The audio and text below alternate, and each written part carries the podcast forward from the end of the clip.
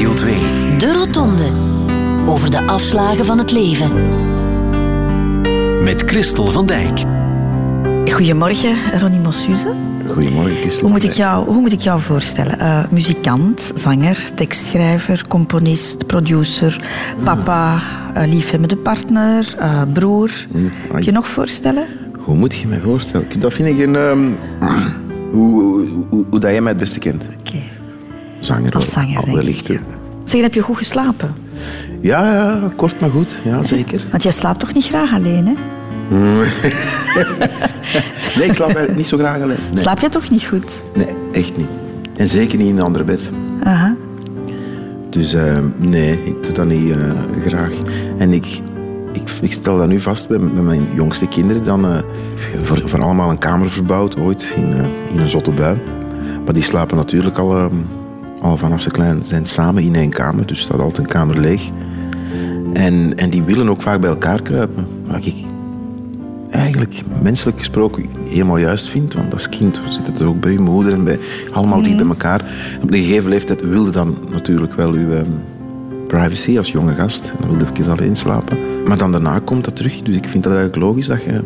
Mm. Het is maar een klein stukje in je leven dat je alleen slaapt om jezelf te leren kennen en zo. En dan daarna zoekt iemand om naast te gaan liggen. Hè. Het was dus niet de beste nacht van je leven, Ronnie. Uh, een beetje koffie om je er bovenop te helpen. Uh, we hebben fruit voorzien, want ik weet dat je gezond leeft. Hè. Je loopt nogal veel. En uh, voilà, pistoletjes en croissants, allemaal Dank voor jou. Het mag allemaal op. Het is heel vriendelijk. Het is een beetje te veel. Radio 2. De Rotonde. Over de afslagen van het leven. Met Christel van Dijk. Ronnie Bossus, we zitten hier in de Rotonde in Westende. Begin 20e eeuw was hier een, een poepchic hotel. Uh, maar nu is het nog altijd een heel mooie locatie. Ja.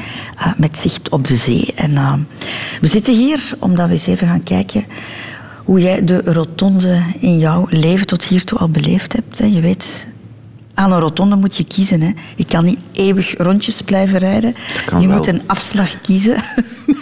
Bart Peters kan dat wel. Dat kan zeker. En je moet afslagen nemen. Dus wij gaan jouw persoonlijke wegenkaart uh, eens even bekijken. Okay. Maar eerst gaan we iets doen aan jouw Wikipedia-pagina. Als we die nu lezen op het internet, dan, dan, lezen we dit. Ronnie Mossuze, Antwerpen, 17 mei 1971, is een Vlaamse zanger, muzikant, songwriter en muziekproducer. Voilà, ik denk dat het kleuriger kan. Toch zeker als we stand-up comedian Han Koeken um, daar eens even aanzetten. Ja. En die heeft jouw Wikipedia-pagina een beetje ja, uh, verfraaid. Ronnie Mossuze werd op 17 mei 1971 geboren in Antwerpen.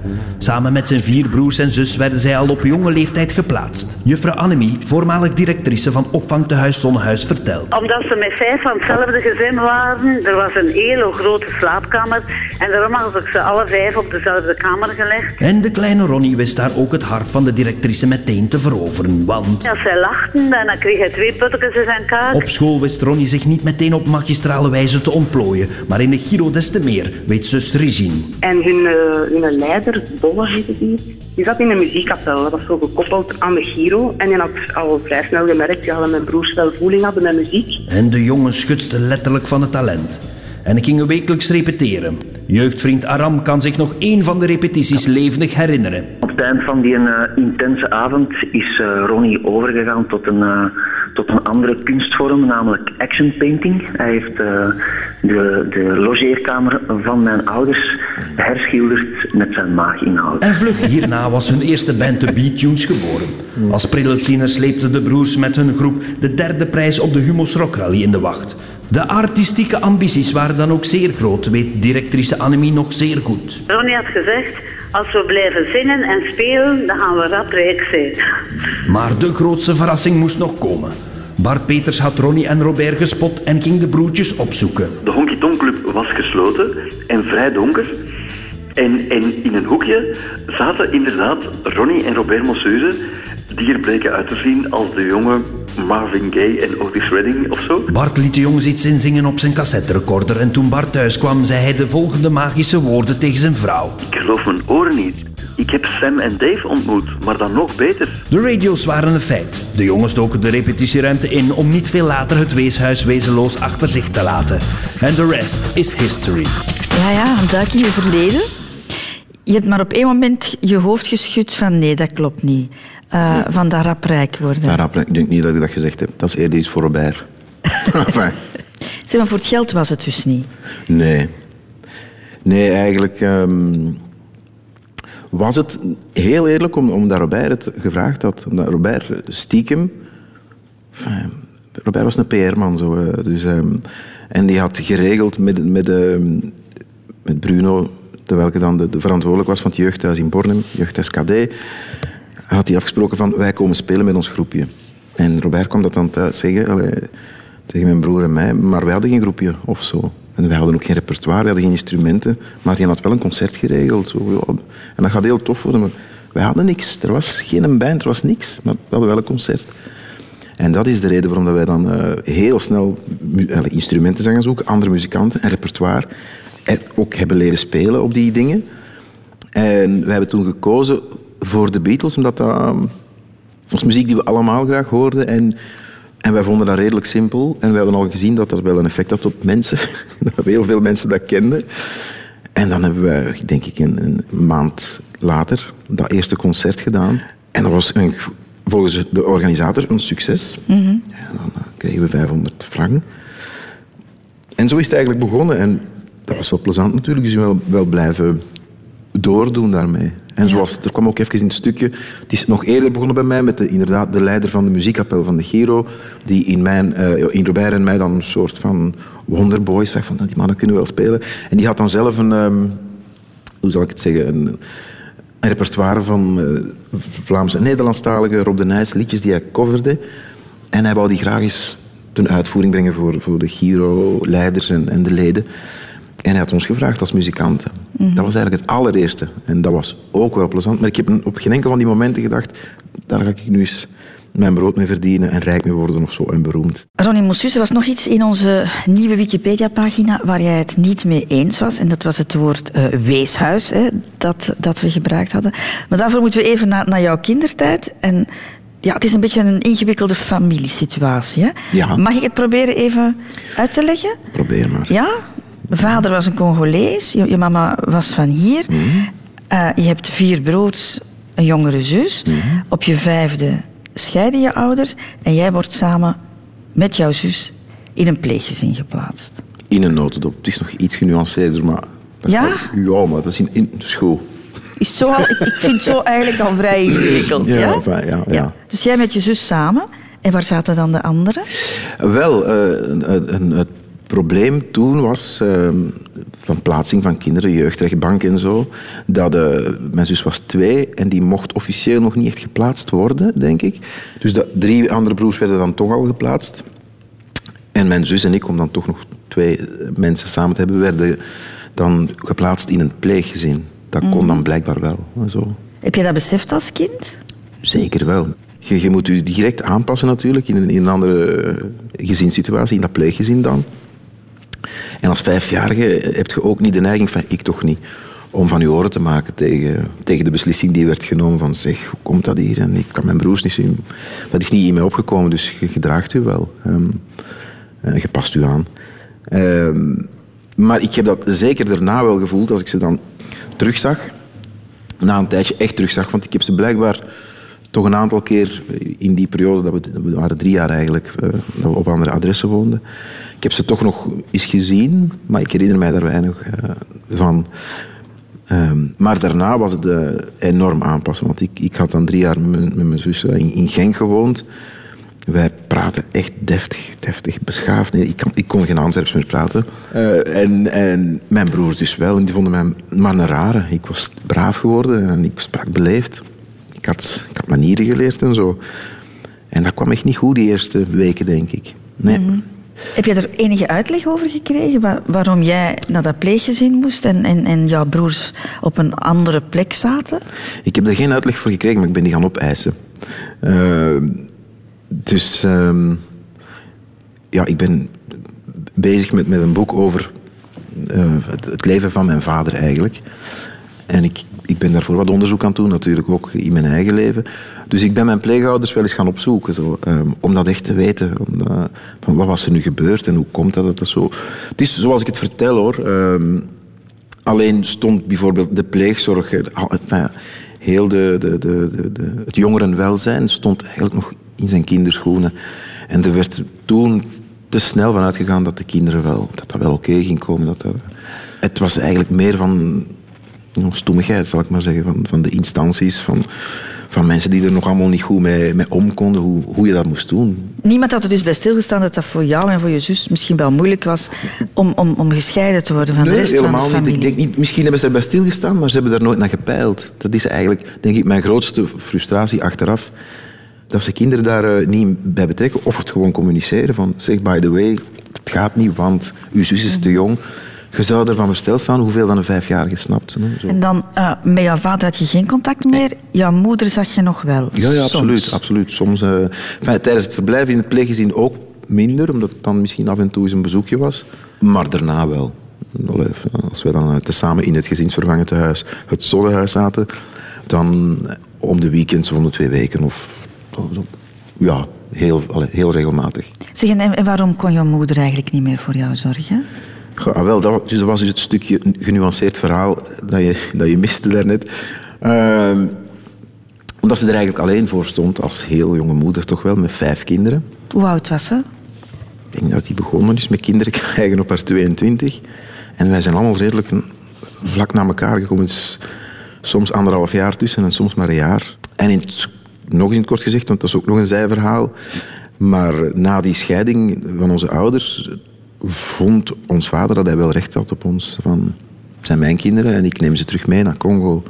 Dus die is bij ons eigenlijk een beetje op de vlucht gegaan. En gezegd, nee, dat wil ik niet. En uiteindelijk, alleenstaande met vijf kinderen, de beslissing genomen, de moedige beslissing van ik laat mijn kinderen beschermen door de jeugdbescherming. En de jeugd, ik geef het hoedrecht aan de jeugdrechter. Dan kan hij ze niet meer meenemen. Zeg, je komt dan eerst in een pleeggezin terecht. Dan moet je daar afscheid van nemen om naar dat tehuis te gaan. Hecht je je aan pleegouders? Ja, zeker wel. Eh, absoluut. Dat is heel ingewikkeld. Ehm, het blijft mijn grootste kritiek op heel de jeugdzorgsector. Dat er ehm, te weinig momenten zijn waarin begeleiders, mensen die met die jongeren of, jeugd of kinderen werken, om daarover te praten. Want je hebt dat wel nodig als kind. Dat, zijn heel verwarrende gevoelens als je twee moeders hebt. Ehm, of twee gezinnen en pleegbroers. En, je kunt, allee, als mens, als kind, eigenlijk als mens, je, je kunt niet zeggen van, van die ga ik niet houden, want dat zijn toch maar pleegouders. Dat is een pleegbroer, dus dat gaat niet. Je kunt niet, dat even, je doet dat echt. Dus je hecht je wel. Ja, natuurlijk. En dat durf je dan nog als kind?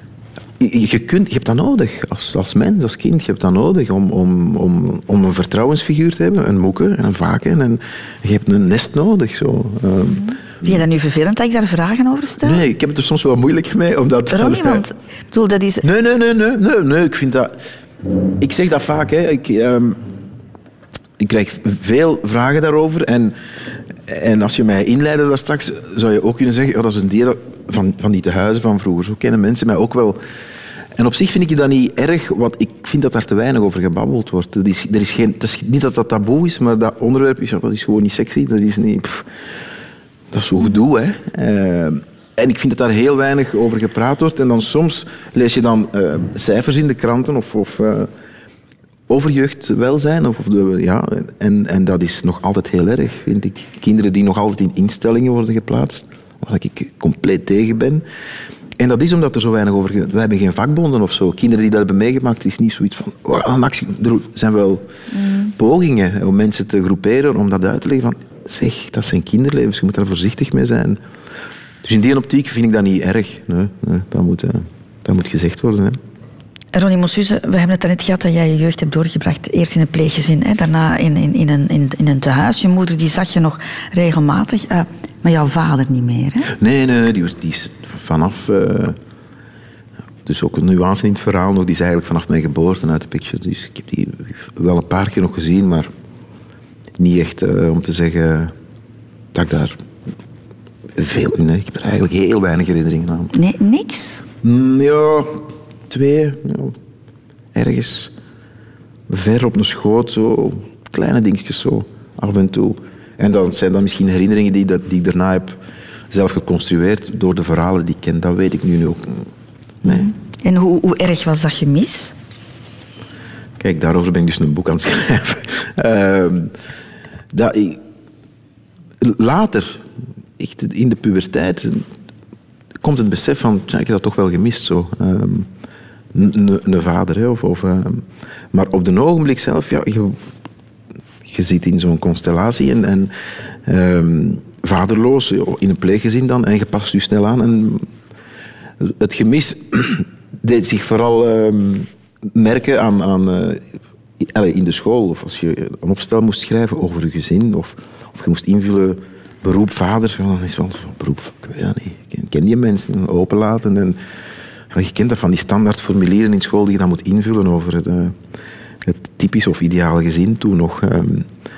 en dan voelt je wel van, toen ik wou dat ik toch wel ook zoiets dat kon invullen. Maar niet in, de, in het dagelijks leven Vond ik toen, hè. Vond ik toen dat ik dat niet, niet miste, dat ik dat niet nodig had. Ik heb het altijd wel gedacht zo.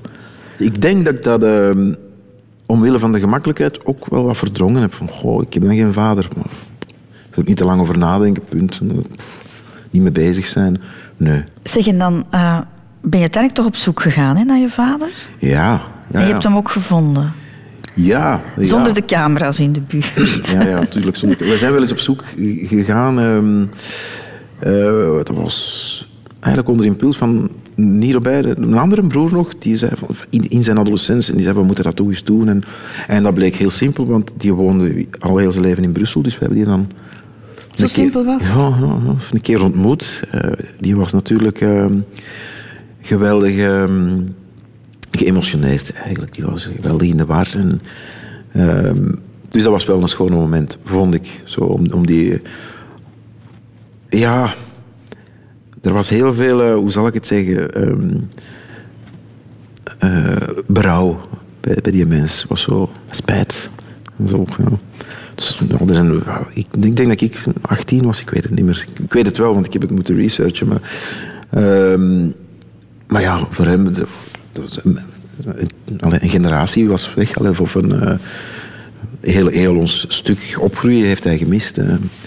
En we waren toen al, ja, ik moet dan zeker 18 geweest zijn, want we waren toen al met de radio's bezig. Dus hij had ons dan wel gezien op tv en zo. En dan kei fier op ons.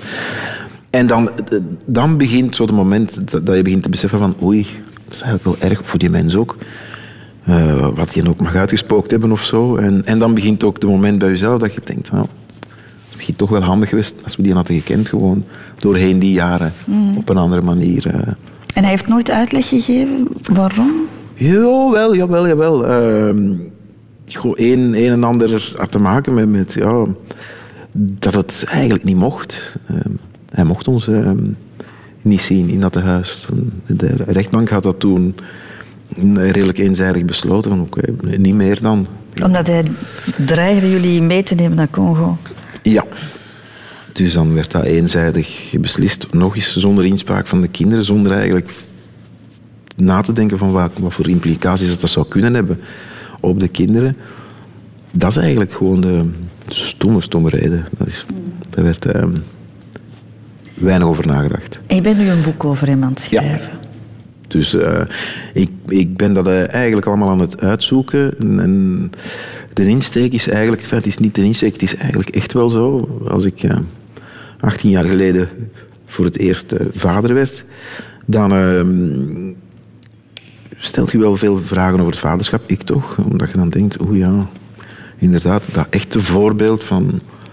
eh, ik weet wel hoe dat mannen moeten zijn. Als kind leert je dan wel hoe dan een man zich moet gedragen. Dan heb je wel mannen als rolmodel, maar als, om het voorbeeld te geven als vader. Ik dacht ook wel dat dat nodig was. Nu, achteraf blijkt, vind ik niet dat dat echt nodig is. Maar, en dat geldt ook voor moeders, want over het algemeen zoekt je het zelf uit. Maar toch, je begint die vragen te stellen en als je kinderen dan beginnen babbelen, ehm, stellen die zich ook wel vragen over de andere grootouders. En ik moest altijd bekennen dat ik dat eigenlijk niet wist. De familie van mijn vader en mijn vader in Congo en onze band met Congo. Dus daarover gaat eigenlijk, dat is het opzet van een boek dat ik aan mijn, ehm, aan mijn vader zijn kleinkinderen, die hij dus niet gekend heeft, probeer uit te leggen van eh, zo, zo was die mens. Dat is eigenlijk stukje geschiedenis dat je wel, waar je wel recht op hebt, vind ik. Ja. Anders is er een gat in je familiegeschiedenis. Op zoek naar je wortels. Ja, nee, want mijn wortels liggen in, in Antwerpen. Dus het is niet dat ik ehm, mijn Congolese familie of mijn, mijn vader zijn, zijn gangen moet nagaan om zelf te weten wie ik ben. Dat heb ik eigenlijk nooit niet gehad. Ik, nee. Ik ben zo het product van opvoeders en van boeken en vaken en van ons moeder en van mijn tante en mijn onkel. Dat ben ik zo.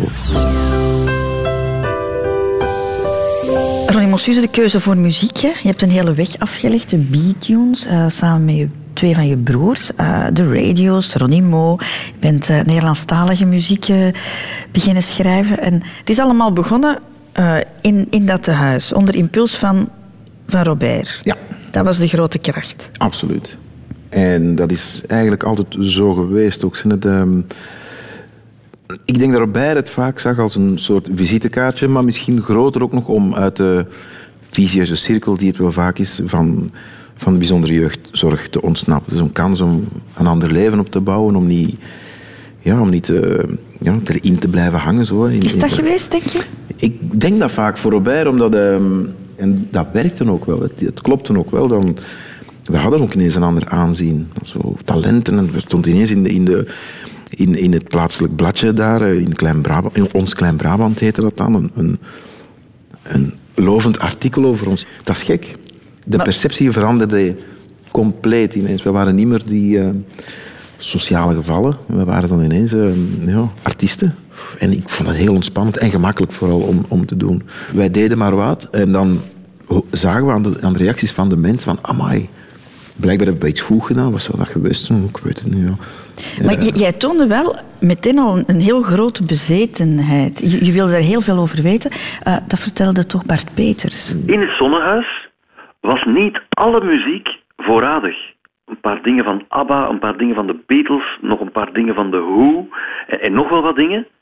Maar het verschil tussen met name Ronnie en, en andere jonge muzikanten is, die wist daar dan wel alles van. Dus, dus als, je, als je aan Ronnie zou vragen, ehm, Dancing Queen, eh, wie zingt welke partij, wie speelt welke partij, eh, of, of eh, enzovoort, enzovoort, die weet dat allemaal. Tja.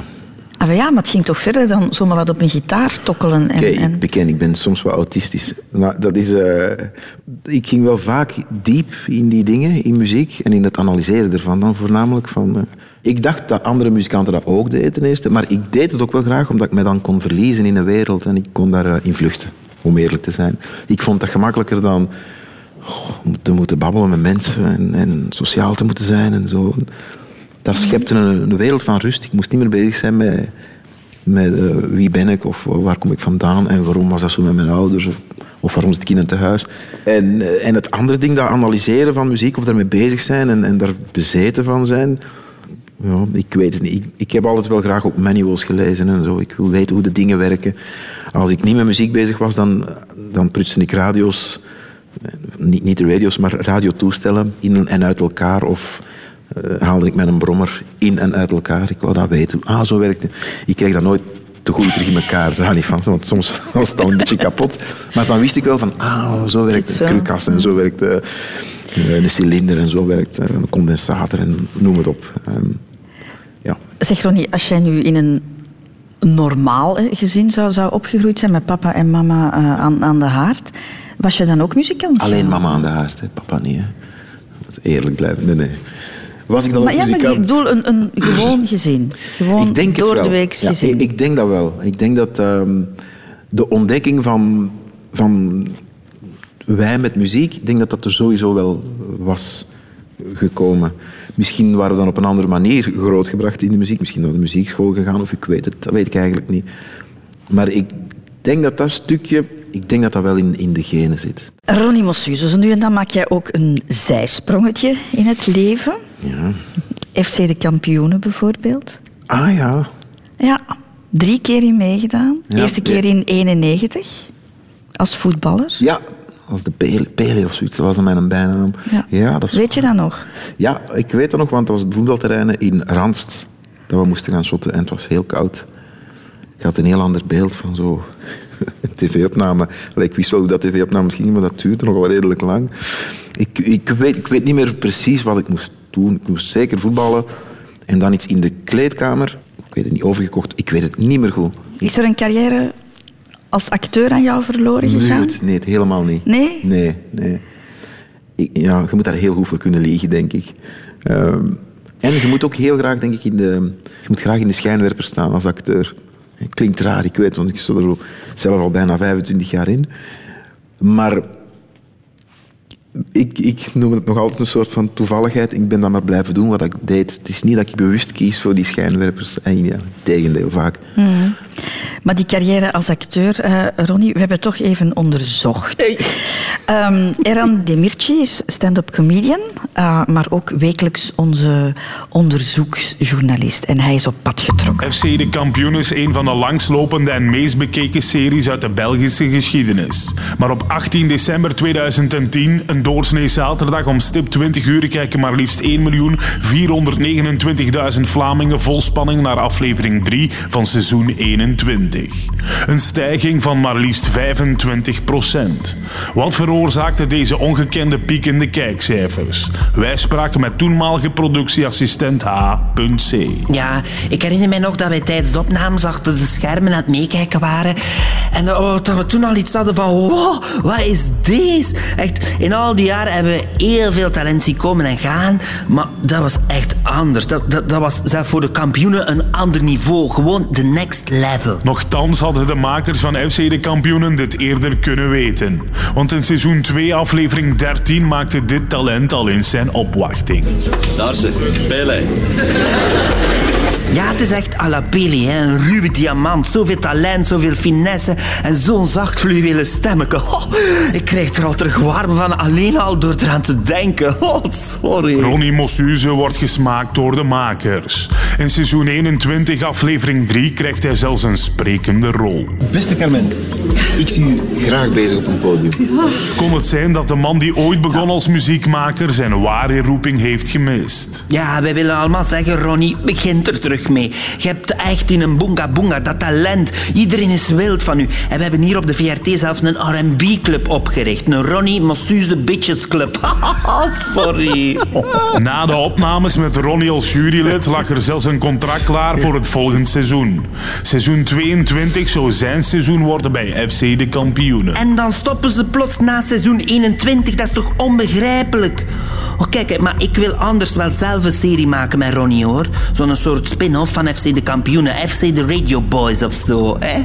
Zo met Ronnie, die dan als rolmodel in de moderne hedendaagse recreatieve voetbalwereld zijn maatschappelijke kritische visie penetreert in die sitcom. Dat is toch geniaal? En eh, hij mag dan mijn kapitein zijn, hè.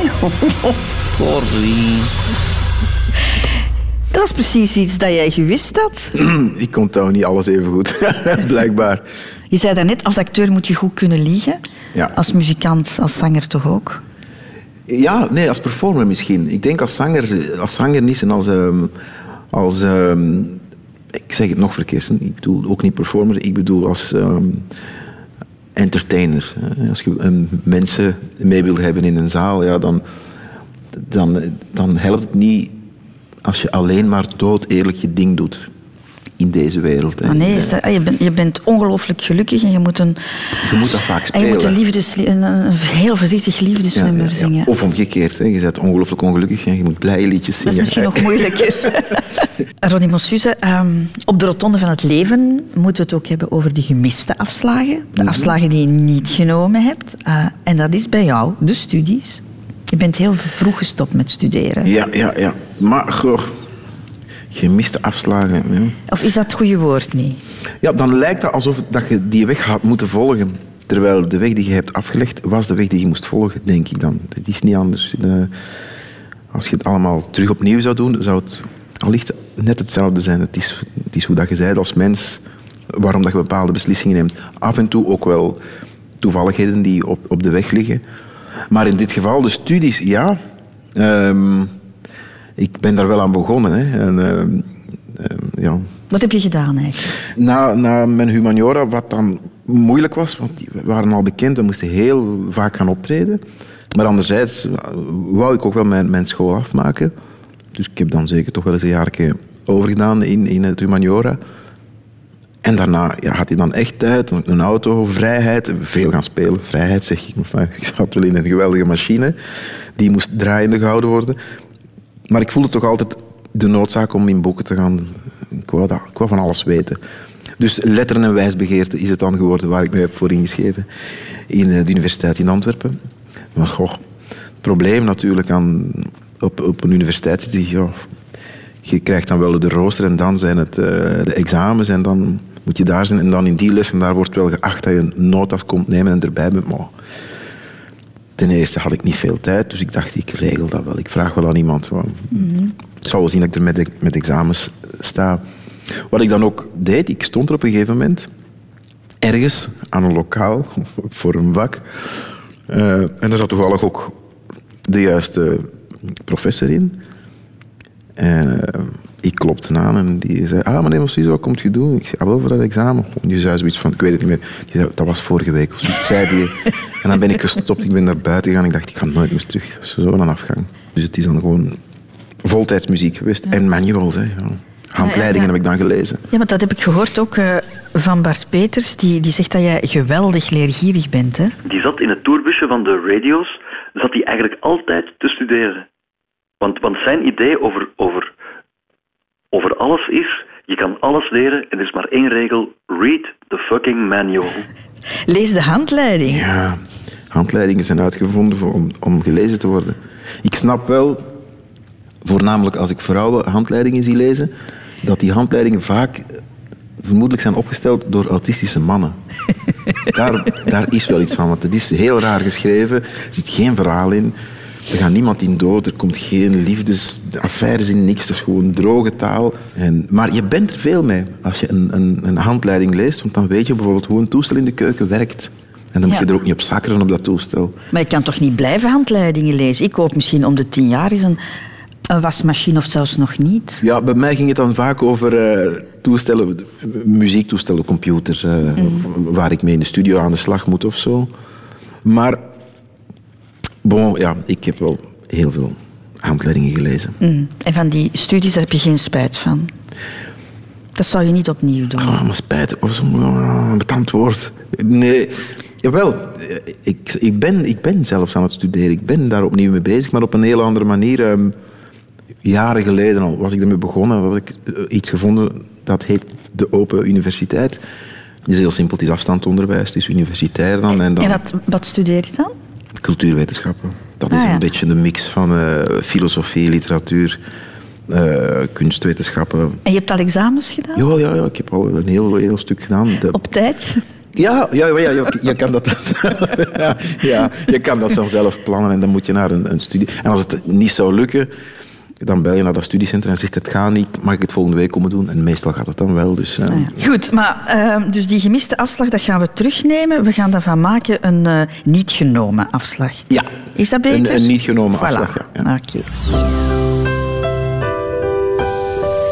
Ronnie Mossuze, een, een afslag waar jij niet voor gekozen hebt, maar uh, die je toch wel een plaats in jouw leven hebt moeten geven. Dat is ja, de dood van jouw broer, van ja, ja, ja. Robert. Daar kies je absoluut niet voor. Hè. Mensen die uh, een ziekte, een ongeval, goh, dat, uh, ja, dat is redelijk ingrijpend in je leven. En voor mij is het ook, want als ik nadacht over dit programma en over de afslagen die je dan al dan niet bewust in je leven neemt, dan heb ik vaak zitten denken van eigenlijk werkt het bij mij anders. Dan, uh, je hebt heel belangrijke momenten in je leven en daar end je je op. Dat, dat, die bepalen uw weg. En uh, vaak is het dan wel toeval. En dan doet je het zo goed mogelijk. Uh, die weg die dan daar ligt, volgen. Maar ja, zoals gezegd. Is, is, is er voor jou zo een leven voor de dood van Robert en een leven na? Absoluut, ja. Dat is, zo is, is dat wat je bedoelt met enten? Ja, ja, ja dat is, uh, zo is het. Dat is een, een mijlpaal dan. Ja, als we dan toch terminologie uit de wegen gebruiken, dat is echt een mijlpaal. En dan, ik kan dat wel zeggen, dat was het leven ervoor en het leven daarna. Of, of de Ronnie ervoor en de Ronnie daarna.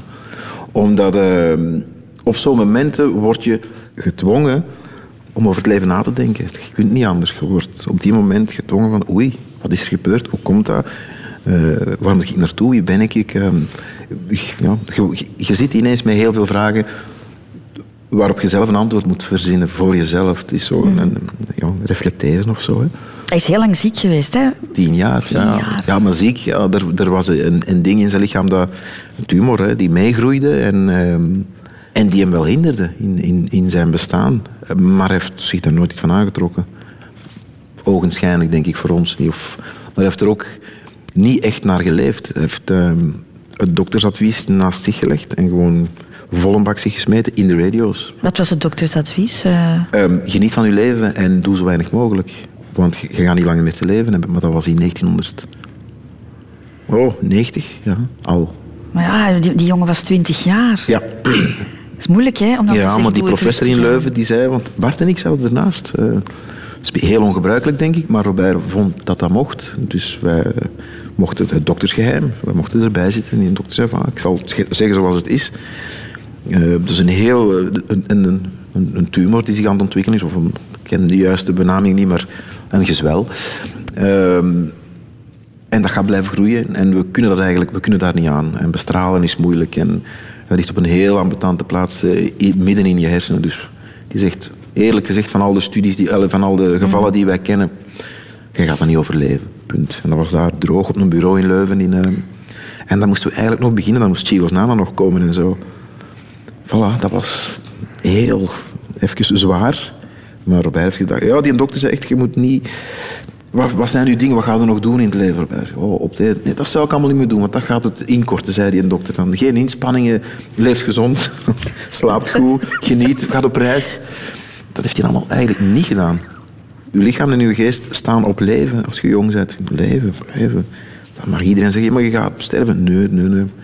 Dat voelde allicht ook voor hem niet zo aan, lichamelijk. Van, ik ga, het is een tijdbom, hè. ik heb een tijdbom en die gaat zeker ontploffen. En ik denk soms, eh, maar ik wil nu niet mensen op of eh, verkeerde richting duwen, maar ik denk soms, doordat hij er zo mee omging en, en, ehm, en daar niet te veel over nadacht en gewoon leefde, dat hij eigenlijk nog heel lang geleefd heeft. Denk ik soms, dat het daardoor kwam. En werd jouw leven daar dan ook door beheerst?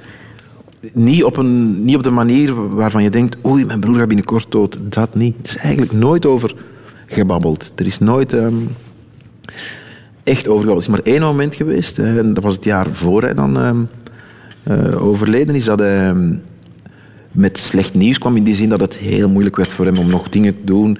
Eh, de epileptische aanvallen waren te veel. Hij had vaak hoofdpijn, dus dat gezwel was nog... Allee, dat was enorm gegroeid. En dan heeft hij wel aangekondigd van ik, ik ga toch die operatie laten doen die eigenlijk niet verantwoord is. En waarbij ik misschien het leven kan laten. Dus dan, vanaf dan had het wel implicaties op, op, op mijn leven. Dan ja, zet je daarmee bezig. Dan heel hard. En dan begint je eigenlijk al na te denken over de, over de sterfelijkheid en over eh, oh, ja, hoe, hoe kort we hier maar allemaal zijn en, en wat het betekent of niet. Of wat het allemaal betekend heeft. En jij was erbij toen hij stierf. Ja, ja ik stond eh, samen met zijn vriendin eh, Eleni naast, naast hem. Maar hij was al volledig buiten Westens. En, eh, maar we waren er wel bij, ja. Dat, dat wouden we wel. Allee, dat had hij ook gevraagd. En maar goed ook dat ik er was, denk ik. Voor mezelf, hè. Ik, eh, ik had het niet anders gewild. Wat heb jij gedaan de weken daarna? ik ben gevlucht. Ik ben echt gevlucht. eh, eh, ik, heb een, ik heb de begrafenis zo goed als mogelijk geregeld. Ik heb ook alle manuals over, over begrafenissen gelezen en zo, hoe dat je dat moet doen. Dus ik was, om mezelf te beschermen, heel zakelijk in die, in die week. Ik heb e- echt alles goed gemanaged. De, de, de mis en, en eh, afspraken met mensen en alles was goed geregeld. Eh, verzekeringen, je moet veel regelen hè, als er iemand overlijdt. En als dat geregeld was, dan eh, heb ik iets gedaan wat ik normaal nooit doe. Dus gewoon de controle verloren. De, teugels. Ik dacht, en nu ga ik eens weg. En dan ben ik denk ik naar de luchthaven gegaan in Zaventem. En heb ik gewoon gekeken naar waar de vluchten waren en waar er nog plaats was. En dat was toevallig Turkije. Ik zeg, oké, doe mij maar een vlucht naar Turkije. Op je eentje? Jo, ik had er geen hotel of niks. eh. ja, ik had dat nodig. Ja, op mijn eentje. Ja, Pas op. Op een vlucht naar Turkije zitten wel veel Vlamingen, dus... eh, het is niet dat ik mij kon verbergen. Hè. Ik zat gewoon tussen de mensen en iedereen vroeg- dan om de haverklap. Ga het met u? Ga het met u? Dus heel lief hè, en heel vriendelijk. Dus iedereen liet mij ook wel in mijn... eh, hmm, op de vlieger zitten. Maar ehm, ja, ik had dat nodig om even niks, aan niks meer te denken. Gewoon. Ehm, en dat was voor mij de manier toch om, om aan de verwerking te beginnen. Om, om er, ja, zo. Maar het was vluchten. Van alles. Weg, weg. Ja. Ronnie ik hoop dat ik nu niet te kort door de bocht ga. Uh, maar de dood van jouw broer, bijna 15 jaar geleden nu, had nog een belangrijk gevolg. Uh, betekende ook eigenlijk het einde van, van jouw huwelijk. Ja, ja. Ik, ja gevolg. Oh, dus het is niet door mijn broer zijn dood dat, ik, uh, dat ons huwelijk is uh, mislukt. Het heeft het versneld? Het heeft het zeker versneld. Of een relatie goed of slecht is, ja, dat is iets dat sluimert vaak. Hè. En, en dat kan zich jaren goed houden en stilhouden, maar als er zoiets ingrijpends gebeurt in iemand of een van de twee partners hun leven, ja, dan, dan, dan uh, wordt de persoonlijke balans een beetje, dan heilt die volledig over langs de andere kant. En dan neem je vaak wel uh, drastische beslissingen die uh, heel levensbepalend zijn. Zeker wel. Jullie waren jong hè, toen je elkaar leerde kennen? Zeker. 17 16, of zo? 16, 17? Ja, absoluut. Heel, heel jong. Er waren dan wel twee kinderen, Ronnie? Ja, ook daar. Hè. Snel, hè. Snel willen leven, denk ik. Hoe oud was je toen? Als vader geworden, ik denk 24. Ja, ja 23, 24, ja. ja. Ja, dat is jong, denk ik, achteraf beschouwd. Maar nog eens, ik had het niet anders gewild. Hè. Ik ben blij dat ik zo jong vader ben. Of dat ik nog een jonge papa ben voor mijn kinderen. Dat is wel mm plezant, vind ik. Maar dat betekent dan wel ook dat je die kinderen moet delen, hè? Dat die niet altijd meer bij jou zijn. Nee, nee. En dat is, uh, denk ik, voor de kinderen veel moeilijker dan voor de ouders. We, we houden allemaal wel van klagen en zagen als ouder, maar ik weet waar ik vandaan kom. En ik denk dat dat voor kinderen ja, verschrikkelijk is. Eerlijk gezegd, denk ik dat het heel, heel moeilijk is. Dacht je daar ook aan toen je ja, de deur achter je dicht Ja, ik heb daar allemaal wel over nagedacht. Maar je zit dan zo in een interne strijd en, en ja, dan neemt je toch die beslissing. Ik, denk daar dan, ik dacht er toen al aan en ik denk daar nu ook vaak aan in die zin van dat je toch op je klein mannen moet letten en zien en proberen te kijken of dat ze niet beschadigd zijn op een of andere manier. En dan proberen nog, mocht het zo zijn, dan te, te lijmen of zo. Maar dat is moeilijk om dat, om dat uh, te onderzoeken bij je kinderen ik denk al van, ik, zal dat, ik zal dat later dan wel horen. Hè. Maar tot hiertoe heb je nog geen signalen gekregen? Nog, nog, niet echt, nee, nee, nog niet echt. En ze zijn mondig genoeg. Je leert dan een nieuwe partner kennen. Je hebt daar dan uh, ook twee kinderen mee. Dat is dan weer een evenwicht zoeken, hè? Is dat een evenwicht zoeken? Nee. Tussen het ene gezin en het andere gezin? Ah, dat bedoel je, ja. ik denk dat ik het al een paar keer gezegd heb, maar in, in uh, de afslagen, in, of de, de weg die je aflegt in je leven worden veel dingen bepaald door, en nu zal ik het nog eens genuanceerder zeggen, door dingen waar je heel veel om geeft of door mensen waar, waarvoor je, allez, waarom je heel veel geeft. En in mijn geval zijn dat zeker mijn kinderen. Ehm, en dat was ook mijn broer. Uh, die dan uw levensrichting bepalen. Dus in het geval van de kinderen, en dan heet dat dan co-ouderschap in de moderne taal, waren het ook wel de kinderen die vooral bepaalden wat ze graag hadden. Of, of mm alleen wat ze graag hadden, die hadden allicht liever dat hun ouders bij elkaar waren gebleven, denk ik. Ja. Wat ik bedoel is, van uh, de kinderen die je maar om de week ziet, moet je toch het gevoel geven dat die even belangrijk zijn dan de kinderen die altijd bij jou zijn. Ja, ja maar dat is op zich geen probleem. Ten, ten eerste was het niet om de week, maar om de halve week. Uh, dat, dat wij de kinderen dan uh, dat ze van, van huis naar huis verhuisden. En het gevoel aan kinderen geven dat je ze graag ziet, goh, of allemaal even belangrijk vindt. Als ouder lijkt dat een evidentie. Ik kan me wel voorstellen dat dat voor de kinderen misschien lijkt van ja, maar die zijn er nu langer, dus papa of mama zal die, allee, papa, zal die dan uh, wel liever zien. Maar diep in hun hart weten ze dat dat natuurlijk niet zo is. En, en, en als ouder uh, mist je je kinderen, als ze dan ook, zijn ze er twee dagen en een half niet, je mist die natuurlijk enorm. Dus, uh, pedagogisch, maar nu ben ik, van mijn jongste kinderen gaan dat toch niet weten. En mijn oudste kinderen weten dat al, maar dat is voor mij een pedagogische truc. Um, ik, ik, wil altijd, ten allen tijde, en dat is een beetje de trek van ons moeder, dat mijn kinderen, dat dat, um, dat dan een, een echte groep blijft. Want ooit gaan de ouders er niet meer zijn en dan wil ik dat ze vooral elkaar hebben. Ehm, en ik heb altijd getracht eh, bij de twee jongens, en ik doe dat nu nog, dat als ik vind dat niet, iets niet oké is, dan krijgen ze allemaal met mij te doen. En dat werkt wel, want dan spannen die Ja. wel samen. Oh man, ons papa is wel een zaag, of ons papa is wel... Maar ik vind dat goed. Dan denk ik van, is goed, maar dan laat die maar wat samenspannen. Dat is eigenlijk wel wat ik probeer. Ehm, ik vind dat belangrijk zo. Maar ik, ik spreek nu zelf, en dat is heel moeilijk om mij in te beelden wat mijn kinderen zelf denken, of de oudsten dan over de scheiding, of hoe dat die dat percipiëren, o- en hoe dat die mij zien als vader naar de nieuwe kinderen dan toe. Maar ik hoop dat ze van allee, diep, of, of zelfs niet diep, beseffen dat natuurlijk, dat ik al mijn kinderen even graag zie. Ah ja. Ronnie Mossuze, we hebben het net al over de kinderen gehad. Je hebt er vier. Ja. Je genen goed verspreid in, ja, in het leven. ja. Ehm, Kan altijd beter, hè, maar vier is al zeker niet slecht.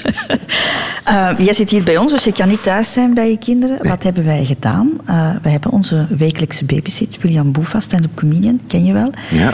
We hebben die naar twee van jouw kinderen gestuurd. Marie, de oudste, en Amona. Dus Ja. uit de twee gezinnen. hè. Ja, oké.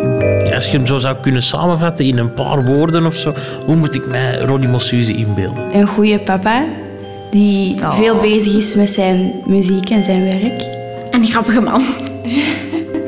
Een grappige man. Vertelt hij veel mopjes dan? Nee, maar is gewoon, die is gewoon heel grappig. Streng maar rechtvaardig en niet zo ordelijk. Heel slordig eigenlijk. Wat, wat kan hij goed in het huishouden? Hij kan goed kleine klusjes doen, zo met elektriciteit, zo lampen vervangen en zo, want hij is daar wel in geïnteresseerd. Ehm, Hij is heel handig dan, ja, redelijk handig. met zijn boormachine.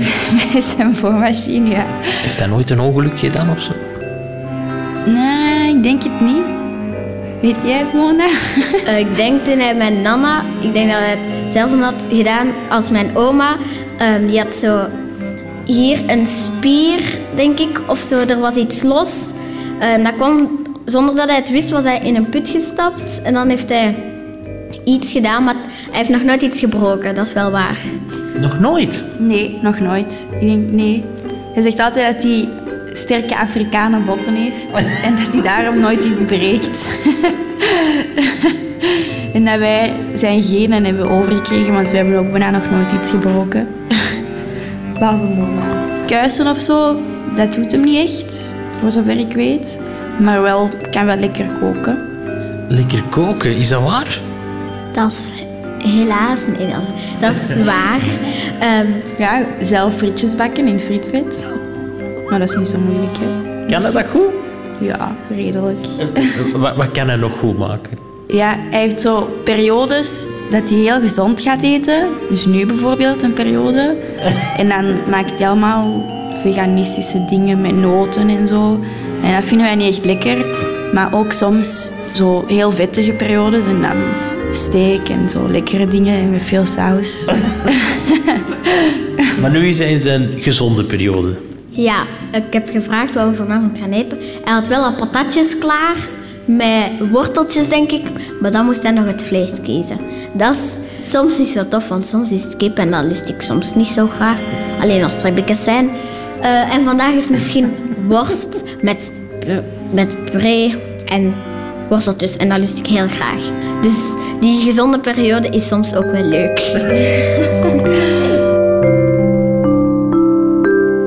Worteltjes, puree en worsten, de gezonde periode. Ja, je moet een, een middenweg vinden natuurlijk. Zeg je nog nooit iets gebroken? Het was opgenomen voordat je je enkel eh, Ja, ja, ja. gebroken had. Maar dat is wel waar. Ehm, ik, ehm, ik breek zelden iets. Potten en zo wel, hè. Eh, En borden. Maar eh, botten, nee, nee, nee. Ik heb nu wel iets voor aan, aan- mijn enkel. En waarover mijn dochter sprak, dat is vier jaar geleden, heb ik inderdaad een, aan mijn linkervoet een ligament gescheurd. en eigenlijk nu weer. Dus ik ben eh, beginnen joggen terug en slecht terechtgekomen, gevallen. Bon, het is dezelfde voet en het is ook weer dat ligament. En nu is er langs de rechterkant even een klein beetje een, een stukje gebroken. Een klein stukje, want het is ook niet om te zeggen Want als je die val had gezien, dan had ik... Een gewone mens Ah. had echt Ja. zijn been langs allee, in vier stukken gebroken. Oh, en bij die, mij was die het had maar... ook gekermd van de pijn. Voilà. En jij Ik ben gewoon geen- verder gestapt. Geen kreet, nee. Nee, ik ben gewoon verder gestapt. En een klein stukje van een enkel botje dat gebroken is. Of, nou, zoiets. Ik- Ja. Ja. Dus ik breek soms blijkbaar toch wel iets. Wat ik ook geleerd heb, is dat jij een man in huis bent waar heel veel vrouwen van dromen. De klusjesman. Ah, trouw, de dromenvrouw daarvan. Dat is toch gemakkelijk? Dat is gemakkelijk, ja. Ik, ik, doe, ik doe het ook wel graag. Hè. Zo wat, wat bezig zijn met van alles. Met je handen precies, hè? Ja, ja, ja. Zeker wel. Ik vind dat ontspannend en verstand op nul. Ja, en, en koken valt er voor mij ook onder. Ik kook ook wel graag omwille van de handelingen. Hè. Zo. Mhm. Iets snijden en dan roeren. En dat is wel plezant. Ja. Ronnie Mossuze, wij gaan hier op een ongelooflijk positieve manier eindigen. Ah, want een van de afslagen die jij zelf gekozen hebt in het leven is tevreden zijn. Tevreden zijn in het leven, met het leven. Ja. Goh, wat wil je dat ik daarover zeg? Ehm, ik denk dat... goh, misschien is het veel mensen opgevallen, of misschien niet, maar ik ben niet ongelooflijk, lijkt het, ambitieus als het gaat over ehm, ehm, een muzikale carrière of, of eh, mijn volgende project of mijn plaat. Ik heb nu wel een paar keer met een boek, maar dat is plezant om te doen. Eh, een boek schrijven, maar zelfs daarin ben ik niet onwaarschijnlijk ambitieus of zo. Of, of, of heb ik voor mezelf gezegd, en nu ga ik dat doen en ik ga daar naartoe en dat gaat fantastisch zijn. Er zijn collega's die dat wel doen en er dagdagelijks mee bezig zijn en hun agendaplanning en hun familiale planning helemaal afstemmen op de weg naar het succes of naar die plaats in het sterrendom of in ik weet niet wat. Ik, ik, maar ik heb nooit zo gewerkt. Nooit, nooit. En nog altijd niet. En ik doe al de dingen graag die ik doe, maar ze leiden over het algemeen tot een soort van tevredenheid. Dus dat is dan de enige ambitie, denk ik, die ik heb. Om, en ik noem het geen geluk, hè, maar gewoon content zijn. Zo. en, en met wat ik heb ook. Zo. Maar je, bent ook wel weggegaan van de, uit de schijnwerpers, hè? Ja, ja. Maar eh, voor mij is dat niet... Dat lijkt voor de mensen zo van... Ja? Oei, waar zijn er nu mee bezig? En is alles nog goed? En dan soms denk ik, als ik mijn apparatuur zie en mijn gitaar, van... Ah ja, ik, juist, ik ben eigenlijk een muzikant. Ik moet eigenlijk misschien wat, wat muziek maken vandaag. En niet in de hof werken. Of niet in de lijst inkopen gaan doen. Want de mensen gaan op de duur denken... Amai. Die heeft nogal een leven. Die heeft nogal een leven. Wat dat ook waar is. Allee, eerlijk gezegd. Eh, Maar je werkt toch nog wel, Ronnie? ik werk en dan ook vaak eh, achter de schermen. Ik heb heel lang en, en plezant samengewerkt met Ketnet om, om eh, muziek en voor Hugo Matthijssen zijn serie dan Zingaburia te maken. Of heel lang ook het Karawietlied dan elke vrijdag. Dat was heel plezant, dat is thuiswerk ook. Maar ik kan mij dan wel veel dingen permitteren. Ik, ik, ja, ik verdien nog altijd mijn geld met mijn hobby. Het is niet anders. En dat is ongelooflijk plezant. Ik zie mijn leden ogen aan hoe heel veel mensen zich vergalopperen in een soort carrière, drang, status, angst, gedoe, allemaal. Eh, ja. En als ik middags in de lijst sta, dat zijn dan vaak met oude mensen, moet ik wel toegeven, en met bejaarden. Maar die zie ik dan toch ook wel meer genieten van het leven. En dan is er een wereld daarbuiten met allemaal jachtige mensen en die deadlines halen en zo. En druk doen en agenda's. En dan s'avonds nog hun sociale media in orde brengen. En, en dan denk ik van ja, doe maar. maar Maar je hebt het allemaal wel gehad, hè, Ronnie? Maar dan op jonge leeftijd, hè? ik heb, het, ik heb het gehad en op een gegeven moment ehm, werd ik geleefd hè, bij de radio's. Ik heb dat zo ervaren wel, als jonge gast. Dat ik dacht, want ik denk dat ik altijd wel de ambitie heb gehad om tevreden te zijn. Zo. Ook bij de radio's. En op een gegeven moment is het dan zo druk. En ik ben dan liever iemand die zegt, maar we kunnen dan nu iets gaan zitten en even niks doen. Geen luiheid, hè, maar gewoon, er zijn nog andere dingen in het leven dan werken en, en successen behalen of zo. Ja, En, en dat geld, daar, dat vond je ook niet belangrijk. dat is nooit mijn grootste zorg geweest. Kijk, en dat is dan misschien wel een voordeel uit mijn eh, verleden. Of, of, eh, wij komen uit toch een redelijk armoedig gezin. En alles wat ik in mijn leven heb vergaard... Ik ben mijn eerste auto gaan kopen, kun je je voorstellen, met, met, met cashgeld.